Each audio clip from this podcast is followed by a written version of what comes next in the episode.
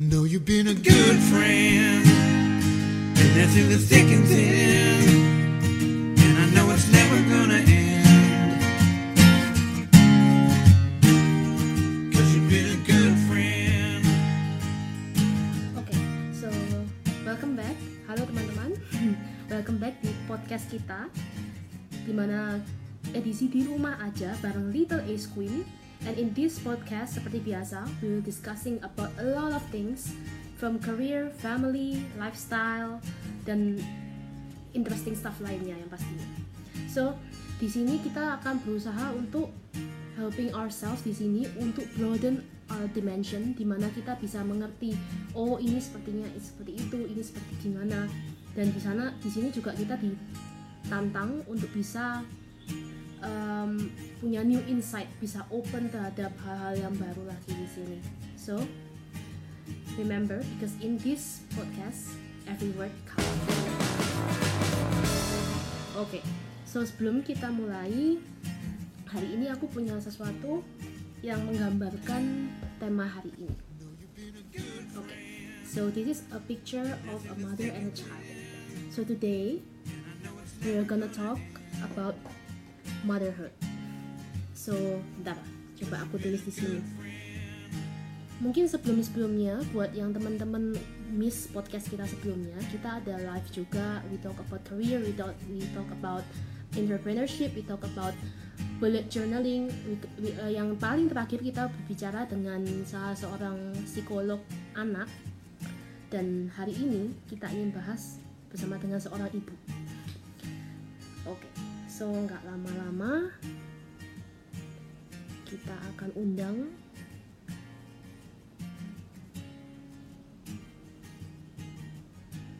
bintang tamu kita hari ini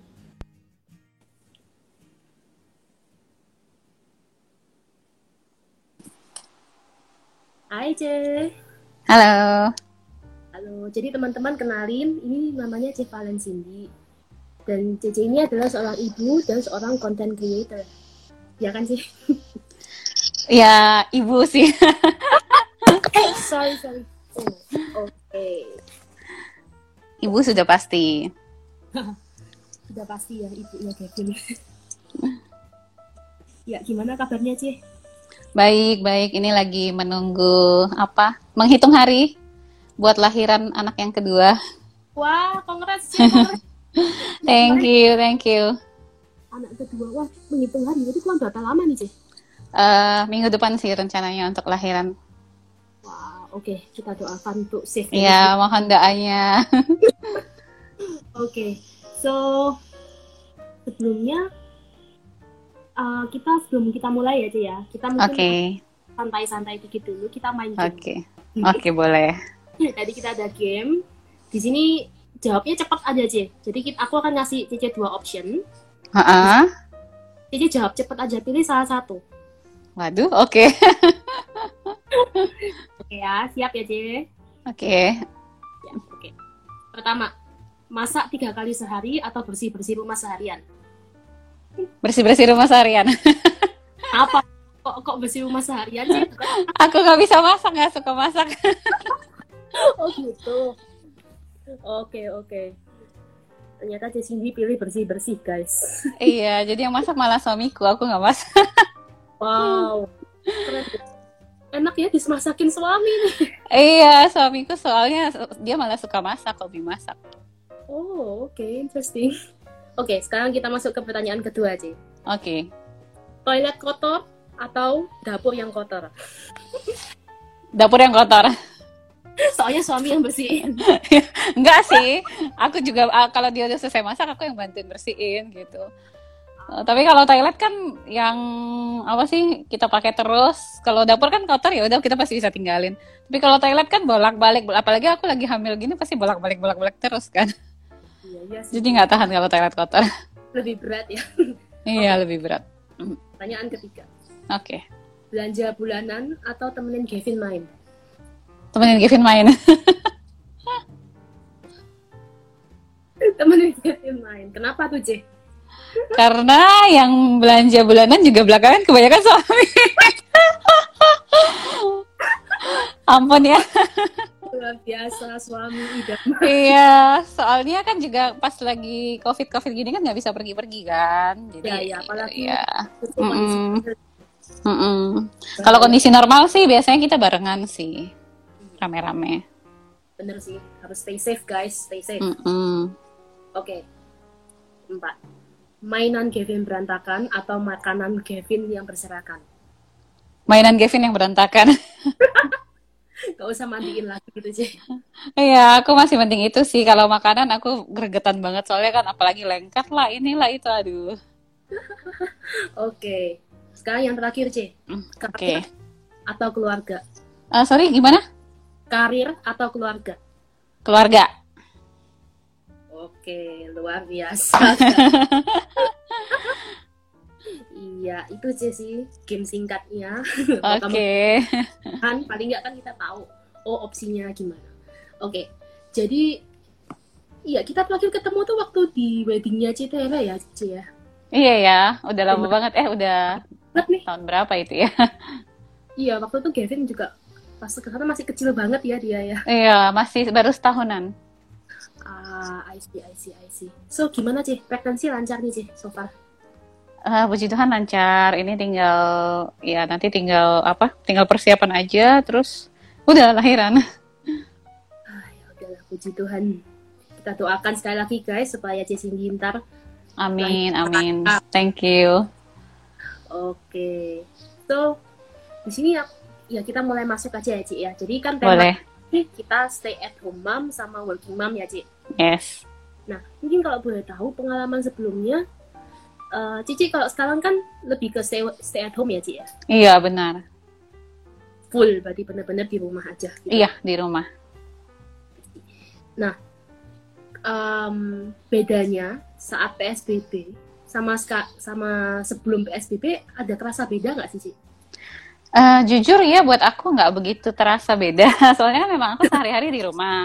Jadi eh, aku juga ada kerjaan sih di rumah gitu karena karena aku ada ada eh, apa ada kelola beberapa online shop juga gitu.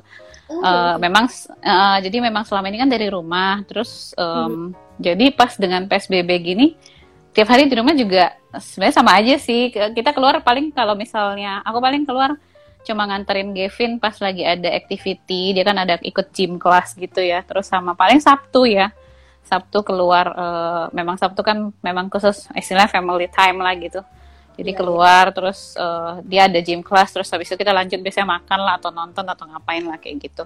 Nah terus dengan adanya PSBB gini kan nggak boleh ke mana-mana ya udah sih jadi buat aku sih nggak terlalu jujur nggak terlalu berasa gimana ya gitu. Jadi nggak Hmm. terlalu. Toh selama ini juga sehari-hari di rumah aja sih gitu. Oke. Nah, Heeh. tipe ini Gavin kan biasanya ada aktivitas gitu. Mulai Mm-mm. rasa nggak dia? Nah itu dia nggak pernah nanya loh justru. Oh ya? Nggak pernah sama sekali nggak jadi itu bagi dia yang penting ada apa ada mominya ada papinya udah gitu jadi dia eh, nggak pernah nanya kenapa aku nggak pernah keluar atau pengen keluar atau pengen ke playground atau apa nggak pernah nanya juga gitu Wow, oke.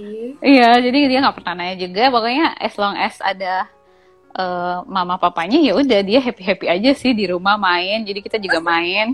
Aku juga ada sewa beberapa mainan gitu buat dia kayak misalnya trampolin buat gantiin kegiatannya dia lah gitu. Trampolin Iya. terus apalah gitu. Jadi eh, ya mungkin dia juga ini. Dan pada dasarnya memang dia juga tipenya anak rumahan sih kayak mamanya juga jadi Nurun memang ya. iya jadi memang nggak eh, sebelumnya juga nggak yang em, harus selalu keluar kayak gitu kecuali memang kita janjin ya misalnya kita udah janjin eh nanti hari Sabtu kita pergi nonton nah itu kan namanya anak kalau dijanjin kan dia inget ya jadi pasti dia Iya. tagih tapi kalau misalnya kita nggak ngomong apa-apa ya dia nggak pernah nanya juga sih gitu. Wah, Kevin anak baik nih, enak nih. Iya. mungkin karena belum sekolah juga ya karena belum sekolah kan belum eh ya belum ketemu teman-teman jadi kan dia juga nggak ada yang ditanyain ya gitu. Mungkin kalau beda kalau anaknya udah sekolah pasti kan berasa beda. Kok nggak sekolah sih gitu. Berapa ya, Ci ya? Gavin sekarang baru tiga tahun eh, tujuh bulan. Tiga Oh, setengah tahun. Bukannya kayak gitu udah mulai playgroup ya biasanya? Ah, belum. Jadi aku baru akan masukin tuh nanti harusnya Juli tahun ini. Ah, Heeh, jadi aku memang memilih untuk nggak masukin ke playgroup, jadi langsung eh, masukin ke TK. Kindergarten. Jadi masa playgroup-nya ini dihandle sendiri dong di rumah kan? Iya benar benar. Luar biasa sih. Nah, C, sebelumnya Cici akhirnya full di rumah sebagai mamanya ini. Sebelumnya Cici ada nggak mungkin kayak kerja kantoran atau gimana gitu? Eh, sebelum hamil itu sebenarnya aku udah dulu aku kerja kantoran. Jadi itu aku resign itu dari tahun 2012. Aku hamil 2016. Berarti udah empat tahun sebenarnya sih aku resign kerja kantoran. Itu aku kerja sendiri. Jadi aku ada beberapa jenis kerjaan yang aku kerjain sendiri. Ada ada beberapa sih. Ada apa IO. Aku aku sempat di IO. Terus di WO juga, wedding organizer, event organizer. Terus eh, apa? Ya online shop juga kan ya. Terus sama uh, aku juga sempat di dunia insurance juga gitu sebagai financial consultant. Nah itu dari sebelum sebelum hamil gitu. Jadi memang udah kerja sendiri sih kerja tapi kerja sendiri gitu. Pasti lebih berat ya kalau kerja sendiri apalagi ya ini ya. Iya lumayan karena waktu itu kan istilahnya juga ba- lagi istilahnya lagi berjuang lah ya baru kan baru resign terus habis itu mulai mulai bangun kerjaan sendiri kayak gitu. Terus Nah, 2015 merit terus 2016-nya hamil. Oh, wow, luar biasa. Kalau mis- eh, sekarang berarti yang masih jalan ya online shop itu sama Instagram ini ya, Ci, ya? Online shop ya kalau Instagram sih aku nggak nganggap sebagai kerjaan sih aku lebih ke Hmm. sharing-sharing aja gitu. Online shop masih. Heeh. Cuman yang kayak insurance sama WO tadi udah enggak kan ya berarti? Enggak, WO tadinya pas em, mungkin Gavin setahun ya dalam dalam dalam usia dia setahun itu aku masih sih masih jalanin. Terus akhirnya aku tinggalin sih karena ya itu karena em, karena kalau apalagi kayak wedding organizer gitu kan butuh em, waktu yang panjang untuk kita nemenin klien mulai dari awal sampai hari H. Terus di hari H-nya juga kudu seharian dari subuh sampai tengah malam seperti itu kan. Jadi lama-lama ya udah akhirnya aku pilih dan aku tinggalin sih itu gitu. Mungkin sementara entah sampai kapan. Sebenarnya aku aku suka dan Mm-mm. wedding organizer tuh kayak passionnya aku lah gitu. Cuma ya udah aku milih untuk full di rumah aja dulu gitu sementara. Nah, tapi awal-awal gitu saat memutuskan gitu ada rasa kayak aduh sayang ya. Sebenarnya aku masih Ada pasti, ada pasti. Dan dan pada saat mutusin kayak gitu tuh justru ada tawaran-tawaran tuh datang gitu dari temanku yang sesama WO juga gitu. Eh Sin, dia sampai teleponin aku, gimana kalau kita kolaborasi yuk gitu. Kita em, masuk ke market eh, kan selama ini aku di Jakarta nih. Dia ngajarin aku, Mhm. eh dia ajakin aku buat masuk ke Bali gitu misalnya atau misalnya ke luar ke luar negeri kayak ke Thailand atau Singapura seperti itu gitu kan biasa. sempat diajakin gitu. heeh. Jadi memang memang pada saat memutuskan untuk full malah ada tawaran-tawaran masuk, jadi kan bikin galau gitu kan. Jadi ya mau Iya, nggak mau ya, tapi akhirnya setelah aku pertimbangkan, aku lihat kondisinya juga, ya aku memang pilih untuk full apa untuk stay di rumah aja dulu gitu. Apa sih sih yang akhirnya kayak bikin bener-bener ya udah oke fix aku di rumah. Yang kan kan Em, kita yang dulu punya ambisi oh ya aku pengen ini. iya benar benar benar. Itu apa sih Ah. yang turning point-nya? Jadi itu sebenarnya kalau boleh cerita sedikit dulu pas zaman aku masih kerja kantoran, apalagi pas udah kerja sendiri. Sorry, aku selalu bilang, eh, aku selalu bilang sama semua orang yang nanya ke aku, nanti kalau aku udah punya anak, aku bakal tetap kerja. Aku bilang gitu, aku nggak mau tuh di rumah doang gitu. Nggak mau lah aku di rumah doang, pasti aku bakal tetap kerja. Nggak bisa aku di rumah doang. Aku selalu ngomong kayak gitu sama siapa pun juga teman-teman atau siapa pun juga yang nanya. Eh tapi begitu udah lahiran punya anak, aku nggak memutuskan secara langsung pada saat itu sih. Tapi dengan sendirinya tuh dijalanin dijalanin, akhirnya malah kayak aku nggak bisa lepas gitu loh. Jadi em, semuanya aku take care sendiri kan, Gavin. Memang Hmm. awal-awal aku, aku ada pakai bantuan neni gitu, tapi tetap aku take care sendiri gitu. Jadi neni tuh cuma cuma bantu aja gitu. Jadi mulai dari mm, mandiin, gantiin popok, gantiin diaper, gantiin baju, kasih makan dan sebagainya itu semua aku lakuin sendiri gitu. Jadi nggak tahu merasa jadi kayak apa ya terikat gitu. jadi jadi kayak punya tanggung jawab aja gitu dan aku tipenya tuh yang nggak bisa lepasin atau tinggalin anak misalnya titipin ke neni gitu aku nggak bisa gitu. Jadi selama ini pun ke- Gavin kalau misalnya aku tinggal pas lagi ada kerjaan keluar gitu, titipin kalau misalnya pas ada mamaku titipin ke suami aja itu baru aku berani lakukan pada saat eh tunggu aku pikir umur berapa ya Gavin ya? Kayaknya sekitar dua tahunan deh. Iya kayaknya sekitar iya serius. Jadi aku pun nggak nggak nggak dua tahunan apa udah mau tiga tahun apa dua setengah tahun gitulah gitu. Jadi itu per- baru pertama kalinya aku berani titipin ke suami sendiri gitu. Dan itu pun eh, tadinya udah mikir, aduh bisa nggak ya dia, bisa nggak ya dia gitu, Eh, gitu. Jadi aku tipenya yang kayak em, apa ya? Pokoknya nggak tenang lah gitu ninggalin Kevin ke Iya. orang lain. Jadi cuma ke kalau ada mamaku, sedangkan mamaku kan nggak tinggal di sini ya di luar kota gitu. Nah, jadi dengan sendirinya lama-lama jadi istilahnya di mana ada Kevin di situ ada aku, di mana ada aku di situ ada Kevin. Jadi kita sepakat gitu loh ke mana-mana. Akhirnya Iya. dengan sendirinya ya udah buat aku jadi stay at home mom gitu. Rasanya aku merasa sayang aja sih melewatkan perkembangannya dia eh, mulai dari hal-hal kecil kayak gitu. Jadi aku merasa sayang aja akhirnya ya udah aku putusin untuk di rumah gitu. Dan memang kalau dibilang eh, galau atau apa, kalau misalnya aku cuma di rumah aja nggak masalah. Tapi kalau misalnya pas kita lagi pergi nih ya, pas kita lagi pergi terus aku di kita ke mall gitu terus lihat em, eh, orang lagi duduk meeting pakai baju rapi dan sebagainya. Itu aku ada merasa sedih sih jujur gitu. Aduh aduh kayaknya enak banget ya dulu pakai baju keren-keren pakai high heels pakai tas keren meeting duduk ngobrol gitu kan chat chat gitu kan. Eh, aku begitu aku lihat diri aku sendiri ya ampun ini pakai baju gombrong-gombrong rambutnya nggak jelas diikat bajunya biasa terus bawa, -bawa anak kayak gitu apa, setiap ada momen kayak gitu pasti adalah berasa aduh pengen lagi kerja gitu. Tapi tetap aja ujung-ujungnya balik lagi ke rumah. Balik gitu sih. ujungnya balik lagi ke rumah. Ada attachment juga ya sama anak juga kan? Iya karena memang eh, mungkin ya itu karena aku tipenya merasa nggak tenang aja juga nitipin dia dan aku merasa sayang sih melewatkan eh, perkembangan dia. Jadi kayak misalnya ada yang kelewatan miss satu momen aja tuh aku merasa sayang gitu loh iya iya Ya, karena anak kan tiap hari berkembang kan, meskipun dia udah segede gini, pasti ada aja tiba-tiba nanti dia bisa ini, tiba-tiba nanti dia bisa itu gitu. Jadi aku merasa sayang aja sih kalau melewatkan semua itu. Karena aku pikir kan, Hmm. eh, ya dia, maksudnya momen itu kan cuma sekali gitu loh, nggak akan bisa kita ulang lagi gitu. Jadi aku pilih untuk investasiin waktu aku sekarang sama dia. Kalau misalnya untuk kerjaan aku yang lainnya, aku percaya later pada saat dia gedean, pada saat aku punya waktu lagi, itu pasti aku punya banyak kesempatan lagi untuk melakukan itu sih gitu. biasa ini. Jadi tahu perspektifnya mama gimana ya ini ya. Fans itu kayak mungkin apa ya aku sharing dikit lah dari punya imam juga kayak sering cerita gitu kayak iya percaya kalau kayak kapan hari pernah dititipin ke papa eh jatuh lu Oh gitu.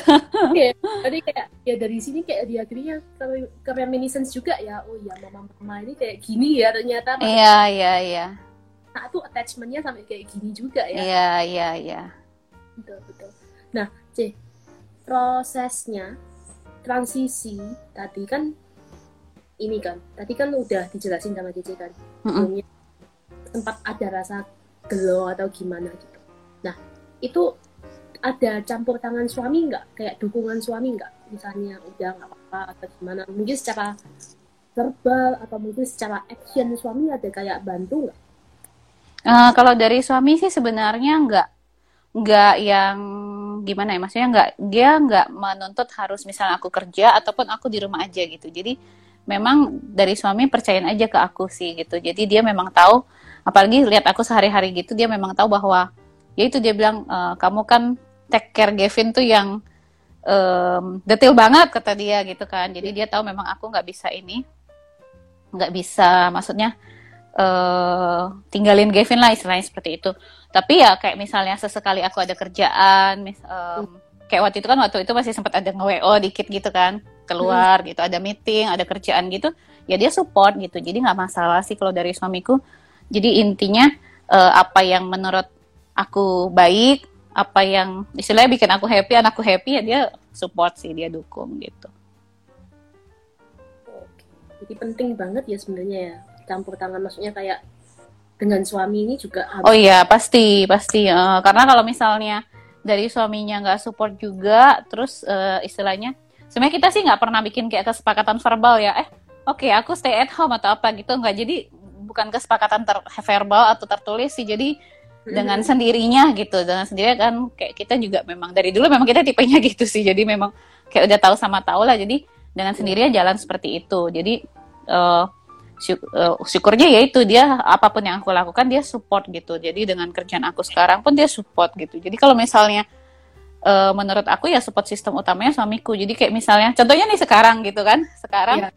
uh, aku lagi live kalau aku nggak sama uh, kalau misalnya suamiku nggak bantu jagain Gavin nih pasti kan Gavin pasti datang gitu ikutan atau mungkin istilahnya grecokin lah atau apa kayak gitu. Jadi penting banget ada support dari suami. Pasti Kevinnya pengen tahu juga ya jadi iya dia kan kepo jadi mama sama pasti mau tahu nyamperin kayak gitu.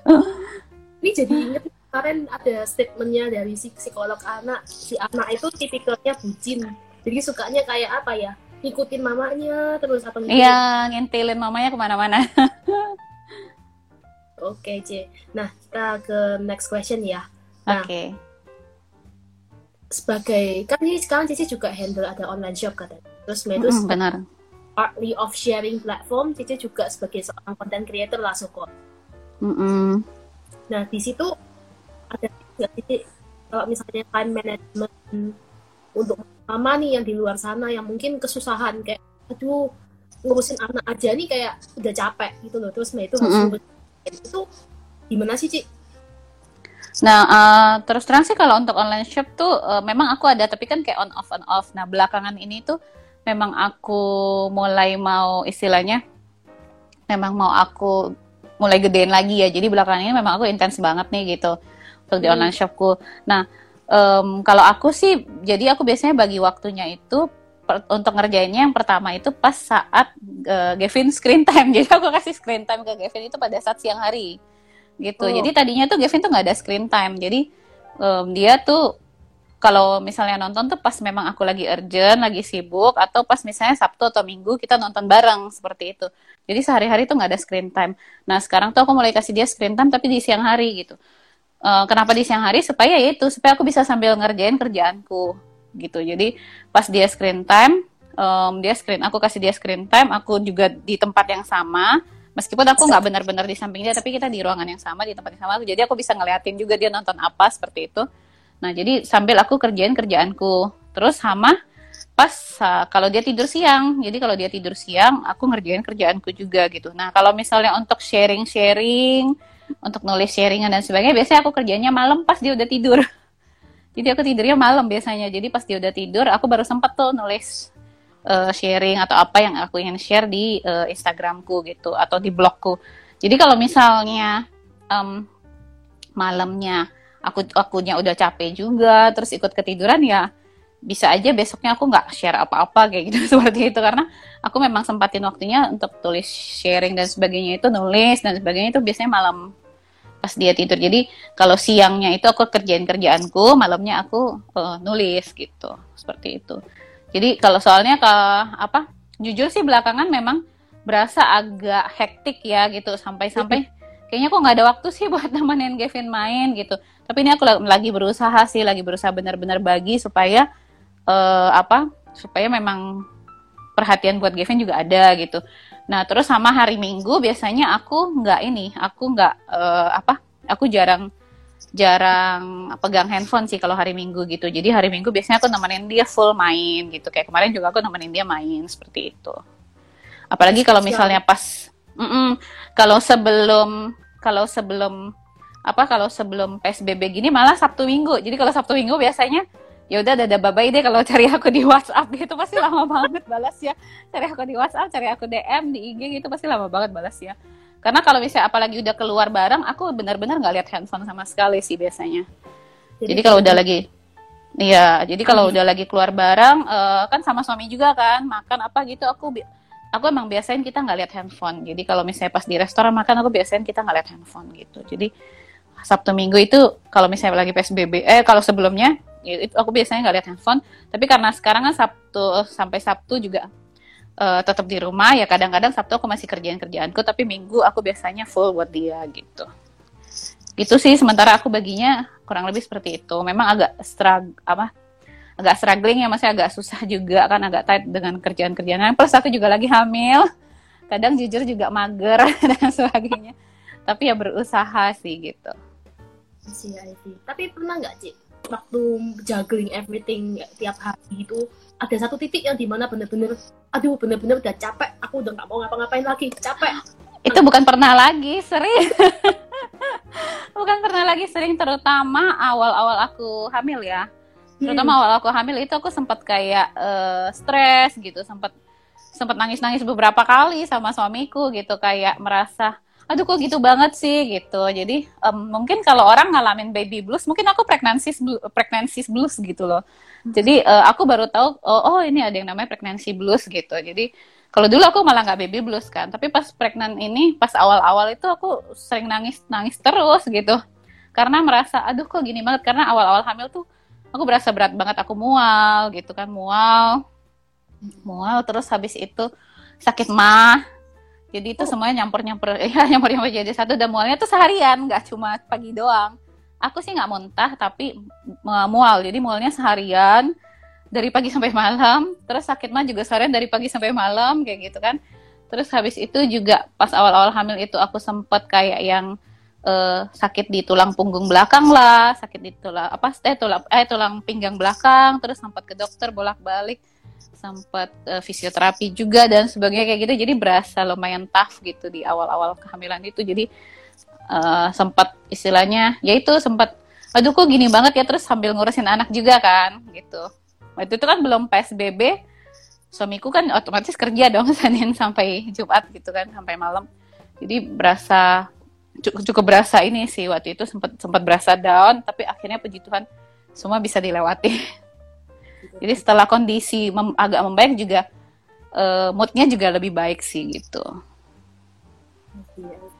Nah, oh ini Ci ada pertanyaan nih dari. Ivan. Kata- Mama Kevin mau dong gimana nih rasa hatinya udah mau lahiran mau ninggalin apa cuma aku yang lagi hamil kalau mikirin situasi seperti ini Oh iya, aku juga galau sekali. ini apalagi udah mau deket-deket gini ya. Udah mau deket-deket gini aku berasa, aduh gimana ya. Soalnya ya itu seperti tadi, aku kan nggak pernah ninggalin Gavin sama sekali gitu. Jadi kalaupun, maksudnya kalaupun kerja kan pulang lagi gitu. Tapi nggak pernah tuh yang eh misalnya nginep tinggalin dia di rumah gitu itu nggak pernah sama sekali. Bahkan sama mamaku nggak pernah. Jadi selalu pasti balik. Nah eh, ini aja udah kepikiran, aduh gimana ya. Terus eh, dua hari yang lalu tuh aku udah ngomong sama dia. Gavin nanti eh, Momi mau apa mau ke, ke hospital lagi minggu depan hari ini kayak gitu.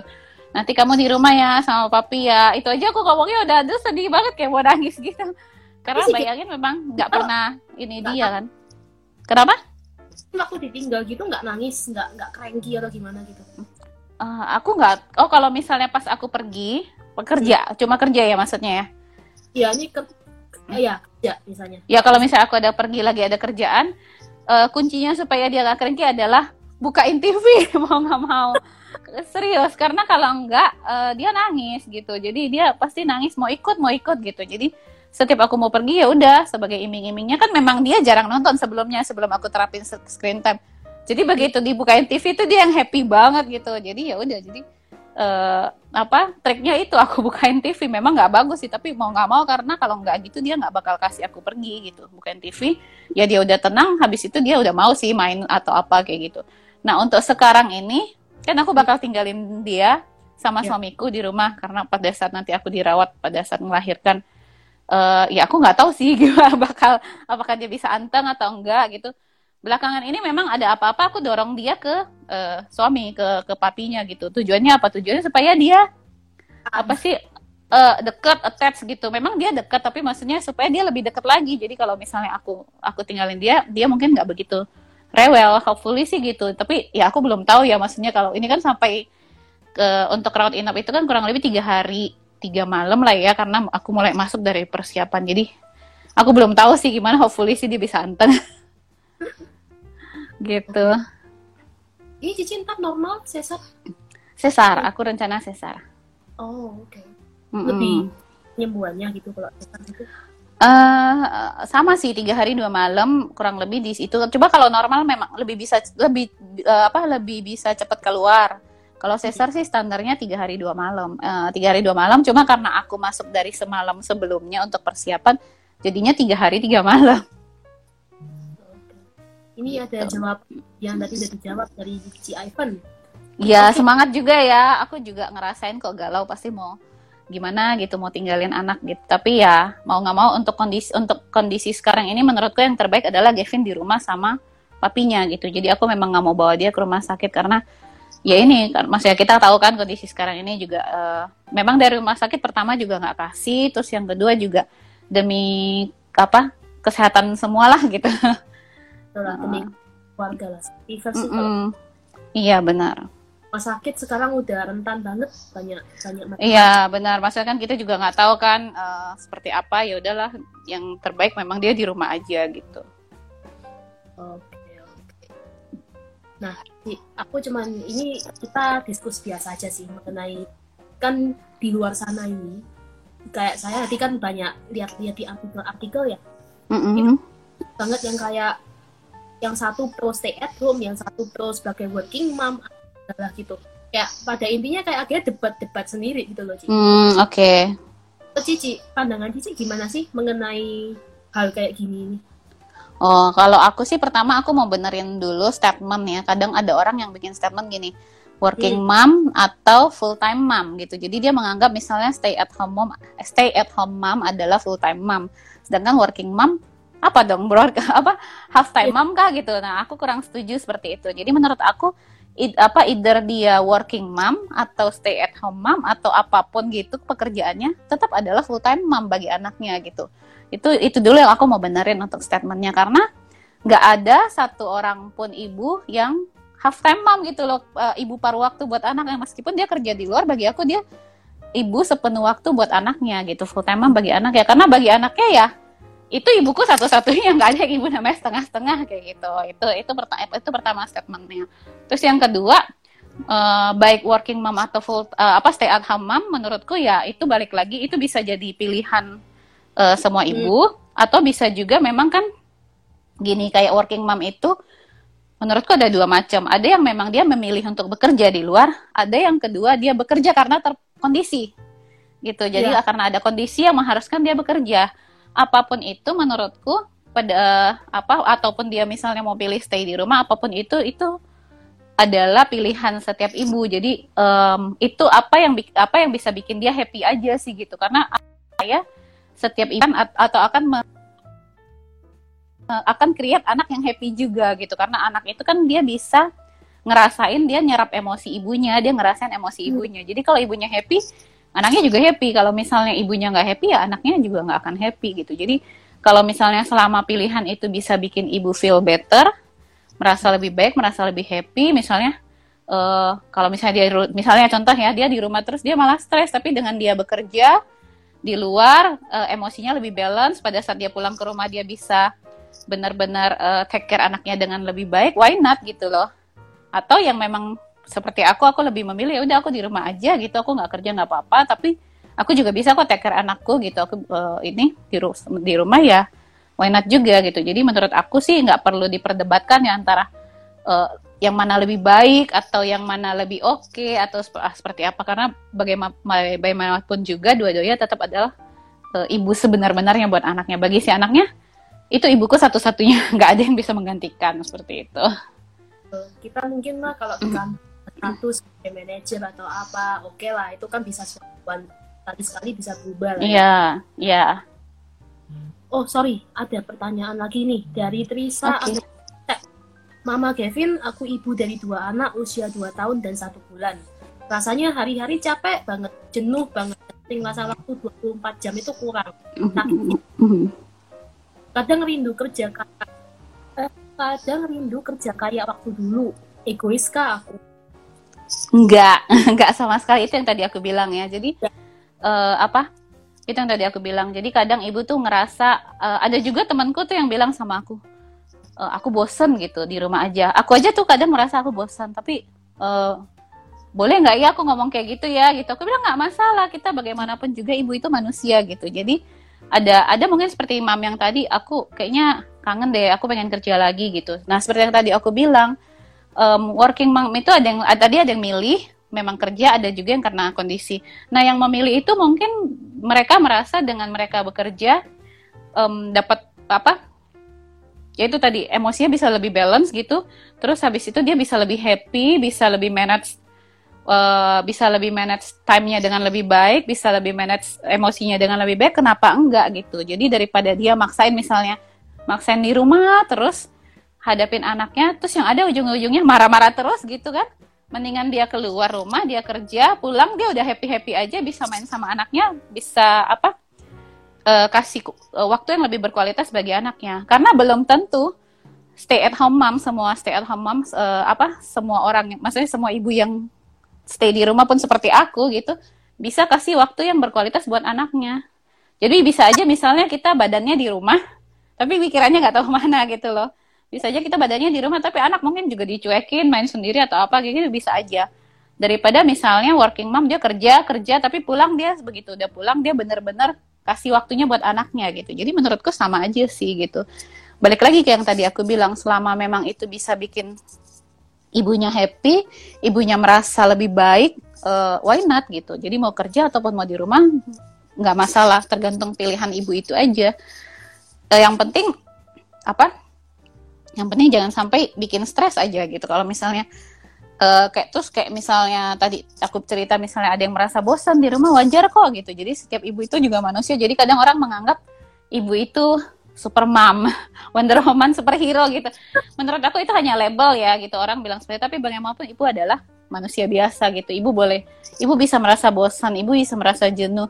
Tapi ketika dia merasa bosan, merasa jenuh atau merasa ingin kerja lagi, bukan berarti ibunya nggak sayang sama anaknya kan gitu.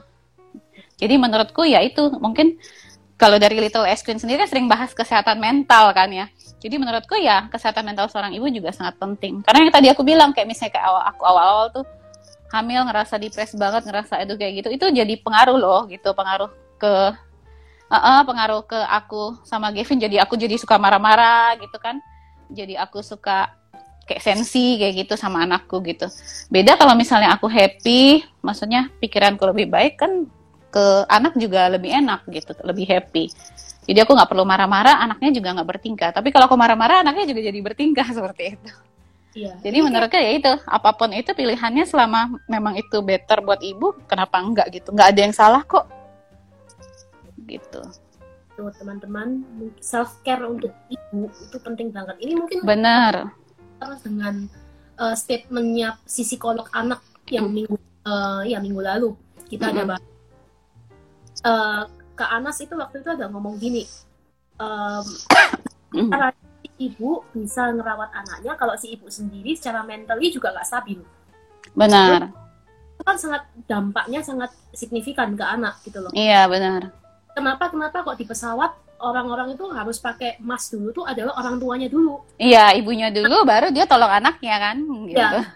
Itu kan gitu. Jadi gimana caranya sebagai seorang ibu kita tuh juga harus ya aku bukan ibu sih masihan tapi nantinya one day mungkin Iya, eh, karena gimana ibu kalau gimana caranya si ibu mau nolong anaknya, mau mau bikin anaknya happy kalau dia sendiri nggak bisa tolong dirinya sendiri gitu loh maksud aku. Gampangnya itu, gampangnya seperti yang tadi aku bilang aja, begitu ibunya stres, begitu ibunya sensi, kan pasti marah-marah terus kan, malah jadi nggak enak kan gitu. Tapi bedain kalau misalnya ibunya happy, misalnya dia kerja pulang, oh happy nih, aku habis kerja gitu gitu, Eh, ketemu orang dan sebagainya, pulang-pulang dia bisa apa? Bisa take care anaknya dengan lebih baik mungkin kayak gitu kan. Jadi kenapa enggak gitu? Ini ada jawaban. Sama-sama. Terima kasih, lancar-lancar. Iya, amin amin. Terima kasih. Oke, Jay, mungkin sebagai closing ya buat talk kita hari ini, eh, aku mau tanya nih, Ci. Ci ada pesan nggak buat orang-orang di luar sana, para ibu, para yang soon to be mom juga, Mm-mm. kayak komen, kayak tips buat mereka. Oh sih, gimana sih maksudnya tuh to be a to, to be a mother itu kan it's a lifetime commitment gitu loh. Iya, benar. Itu gimana sih Cici? Cici mungkin ada tips karena Cici kan juga sudah sebagai seorang mama Iya, now akan jadi eh, mamanya baby kedua ini iya. mungkin ada tips nggak buat mereka-mereka yang mungkin masih baru aja mau jadi mama Eh, kalau aku sih cuma mau bilang bahwa em, apa ya tidak ada ibu yang sempurna. Terus yang ke, apa ya tidak ada ibu yang sempurna karena semua ibu juga manusia ya. Seperti halnya manusia kan tidak ada yang sempurna. Terus uh, yang kedua adalah kita nggak bisa terlalu idealis sih pada saat menjadi seorang ibu karena aku udah mengalami ya. Jadi awal-awal itu aku idealis banget gitu. Jadi kayak awal-awal tuh aku pengennya ngasih full asi gitu kan. Sedangkan waktu itu aku nggak bisa. Akhirnya aku stres selama tiga bulan pertama tuh nangis-nangis terus kayak gitu. Nggak sampai baby blues tapi ya kayak menyalahkan diri sendiri gitu loh kok aku nggak bisa ngasih asi buat anakku sih gitu kok nggak bisa jadi setiap misalnya ada misalnya what Gavin kolik gitu kan hmm. aku nyalain oh gara-gara nggak asi nih mis misalnya seperti itu gitu. Terus waktu itu dia sempat um, apa sih minum susunya kesedak-sedak. Aku nyalain diri aku lagi. Oh gara-gara aku nggak bisa asi gitu. Terus habis itu pas waktu misalnya makan atau apa pas udah mulai makan pas dia mulai uh, pertama kali GTM aku nyalain lagi diri aku sendiri gitu. Karena ya itu karena aku saking idealisnya gitu dan set setelah aku jalanin semua sepanjang perjalanan aku ini aku sadar bahwa uh, jadi ibu nggak bisa idealis gitu. Jadi um, yang ada adalah fleksibel karena setiap anak berbeda. Dan setiap kondisi kita di rumah juga berbeda. Ada ibu yang ngurusin anaknya sendiri mungkin ada yang mungkin cukup beruntung dibantu sama helper dibantu sama neni dibantu sama suami mungkin gitu. Tapi ada yang harus ngurusin sendiri semuanya.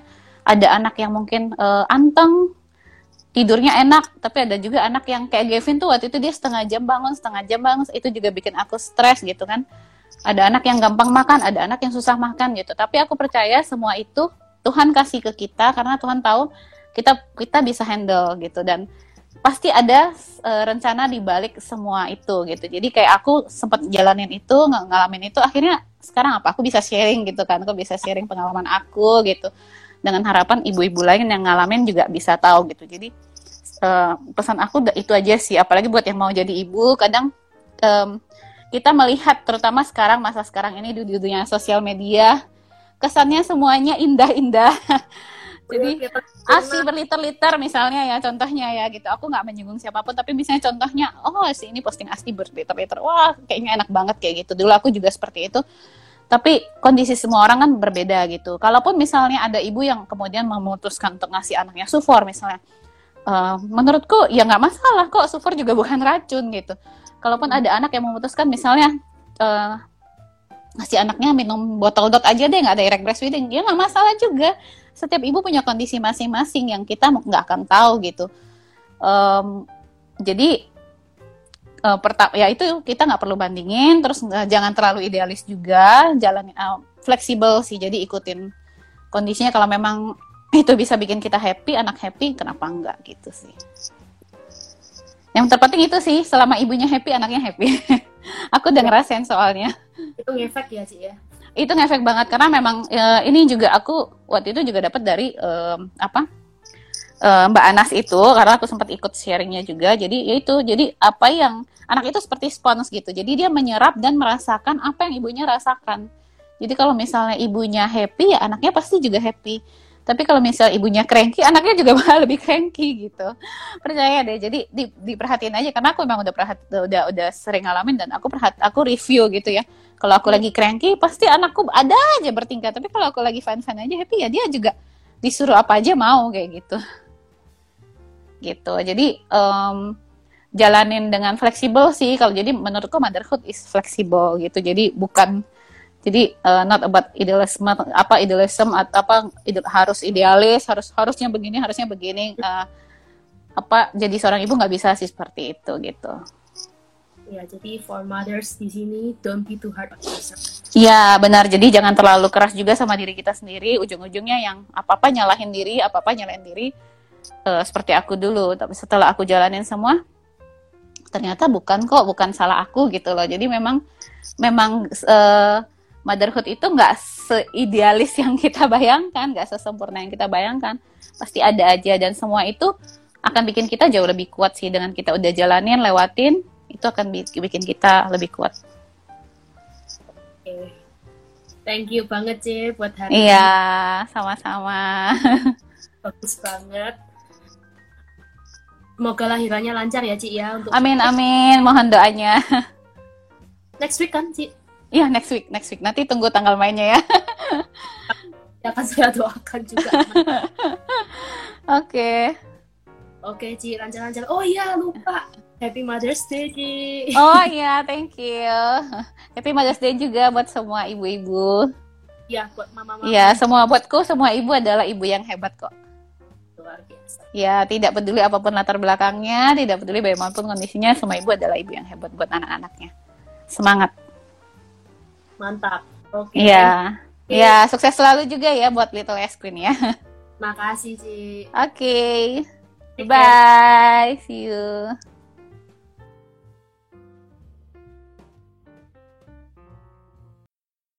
Oke guys, back again. So itu adalah sedikit uh, sharing dari teman kita, dari seorang ibu C. Cindy. So don't forget kalau mereka buat kalian-kalian yang mungkin miss dengan episode-episode sebelumnya atau pengen dengerin talknya Little Iskunya sebelumnya, you can go ahead ke podcast kita. Kita udah save ini as a podcast. Jadi kalian bisa visit ke Spotify, Google Podcast ataupun Apple Podcast. It will be there jadi bisa akses uh, sebebas-bebasnya bisa di share ke mana pun oh dan jangan lupa juga check it out our product juga. Kita di sini juga ada journals di uh, yang verified also by psychiatrists and psychologists. Terutama kita juga lagi develop uh, sesuatu yang surprising buat para teman-teman di sana. So stay tuned. Okay so thank you everyone to listening this podcast. Don't forget to subscribe, share, and follow us in our social media, the Facebook, Twitter, Instagram, at Little Ace Queen.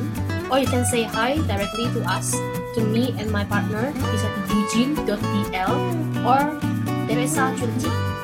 Remember to always give your best in your everyday life, in everything, and always be kind. Don't be too hard on yourself, moms, and always love yourself. God bless you.